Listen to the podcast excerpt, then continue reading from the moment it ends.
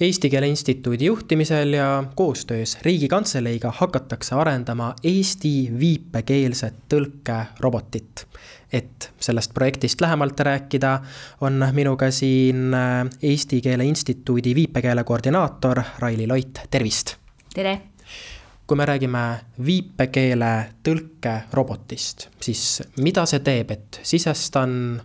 teksti näiteks tere, mina olen Indrek arvutisse ja siis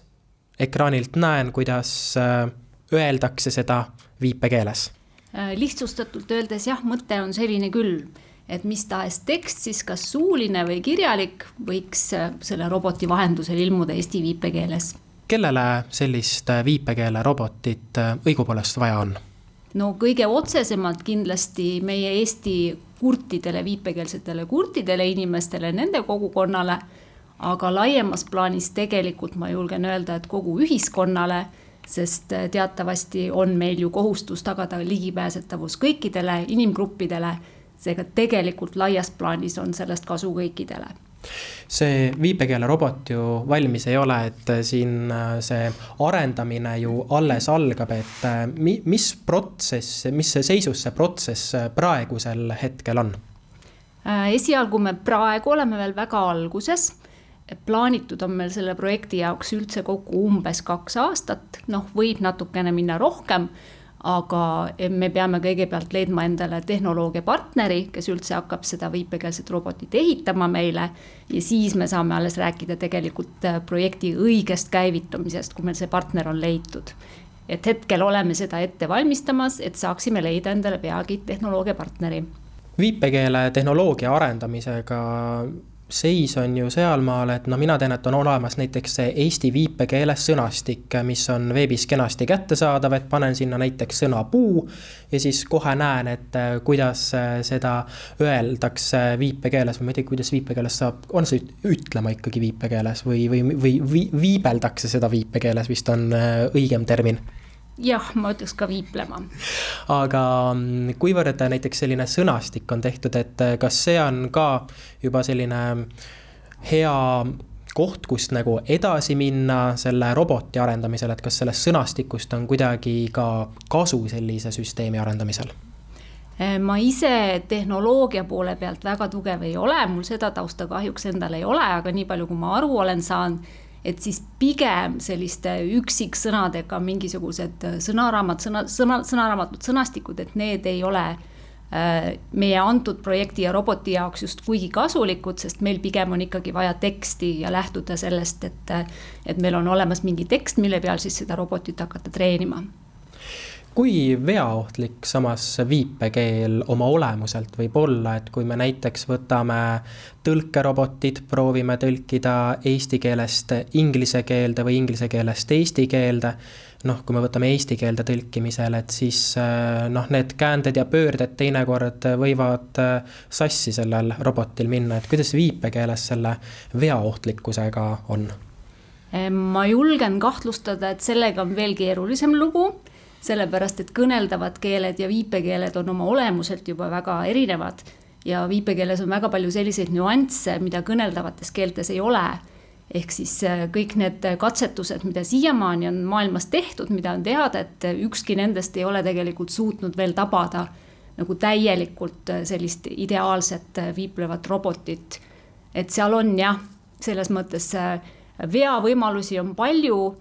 aga noh, eks me püüame ikka teha parimat, mis me suudame aga kuivõrd äh, üks selline robot äh, saab ikkagi asendada sellist päris äh, viipekeele oskust, et noh, ta saab olla ju mingisugune tugi, aga kas ta seda päris oskust ka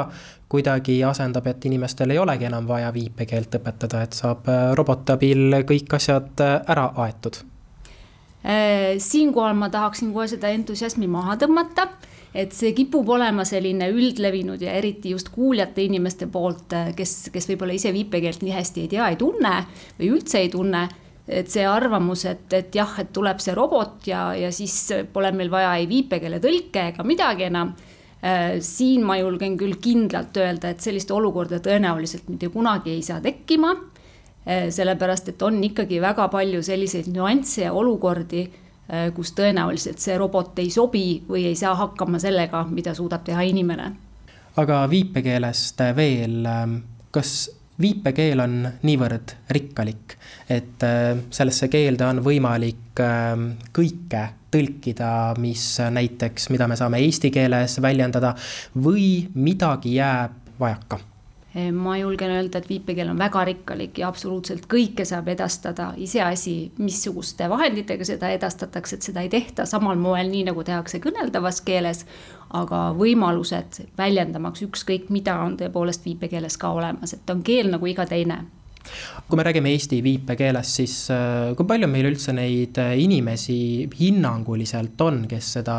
viipekeelt äh, mõistavad, et no ma kujutan ette, et see seltskond ei pruugi noh, kuigivõrd suur olla, et mis see suurusjärk umbes on, et sada tuhat, kümme tuhat, sada tuhat? paar tuhat. paar tuhat ja need on siis inimesed, ähm, kuidas see jaotub, et suuremas osas äh, kuuljad või äh, inimesed, kes ei kuule? Ähm, ma nii väga täpselt ei oska äh, statistiliselt öelda, et kuidas see protsentuaalselt täpselt jaguneb, aga aga suure tõenäosusega jah, et kõige suurema osa moodustavad ikkagi kurdid, viipekeelsed kurdid inimesed, vaegkuuljad, seal võib olla kõnepuudega inimesi, kes vajavad viipekeelt, pereliikmed, lähedased Äh, viipekeeletõlgid loomulikult või muud spetsialistid, õpetajad, noh, selline kogukond aga teisalt, kas seda viipekeelt selles mõttes ähm, on vaja, kui ma saan näiteks kõik paberile kirjutada, internetis äh, kirja teel suheldes ju kõik enda jutud äh, ära aetud, et mis koht on sellel viipekeelel meie keeleruumis? viipekeelt on igal juhul vaja, sest siin on jälle selline üldlevinud äh, väike väärarusaam, et kui, kui me kirjutame ja loeme, et siis äh, ei ole ju probleemi, aga see on jälle selline kuulja inimese vaatepunktist lähtuv arvamus. sellepärast, et tegelikkuses, nagu ma enne mainisin, et need keeled on väga erinevad ja, ja kurtide jaoks tegelikult viipekeel või viipekeelse inimese jaoks on eesti keel võõrkeel.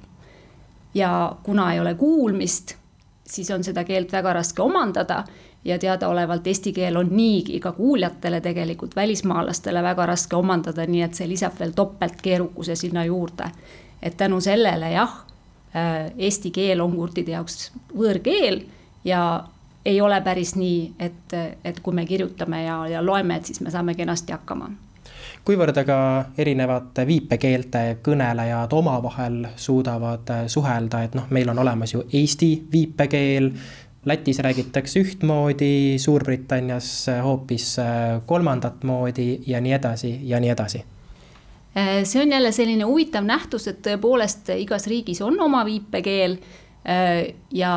noh, kui väga niimoodi detailidesse laskuda, siis on ka kurtidel inimestel üksteisest väga keeruline aru saada, ei pruugigi aru saada. aga sellised lihtsamad jutud on siiski võimalik omavahel ära rääkida enamasti sellepärast et mingid teatud sarnased jooned ju viipekeeltes kõikides on. ehk siis see näide, mis ma alati toon, et üleval on ikkagi alati ükskõik mis viipekeeles üleval, eks all on all, mina olen mina ja sina oled sina, ehk siis selles mõttes äh, selliseid üldisi jooni teades, äh, veidi pantomiimi ja kujundlikkust lisades on võimalik mingid lihtsad igapäevased jutud omavahel ära ajada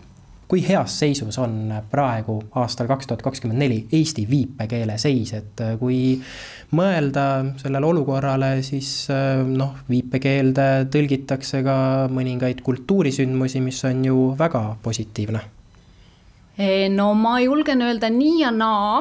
ja pigem on ta siiski veel kehvas seisus. mis on väga positiivne, on see, et, et meil nüüd on olemas Eesti Keele Instituudi juures ka äh, väike rakuke viipekeele uurimiseks ja arendamiseks äh, mis sai nüüd alguse möödunud aasta augustist, see on üsna värske, aga ta on siiski nüüd loodud ja me loodame, et see aitab paljuski kaasa ka meie viipekeele uurimisele, arengule ja levimisele. aga üldiselt on ta olnud siiamaani üsna kehvas seisus sest äh, noh, ei ole meil koolitusi ja ei ole seda keelt nii väga uuritud ja ei ole selle arendamisega tegeletud. et tahaks loota, et nüüd see asi saab hoo sisse.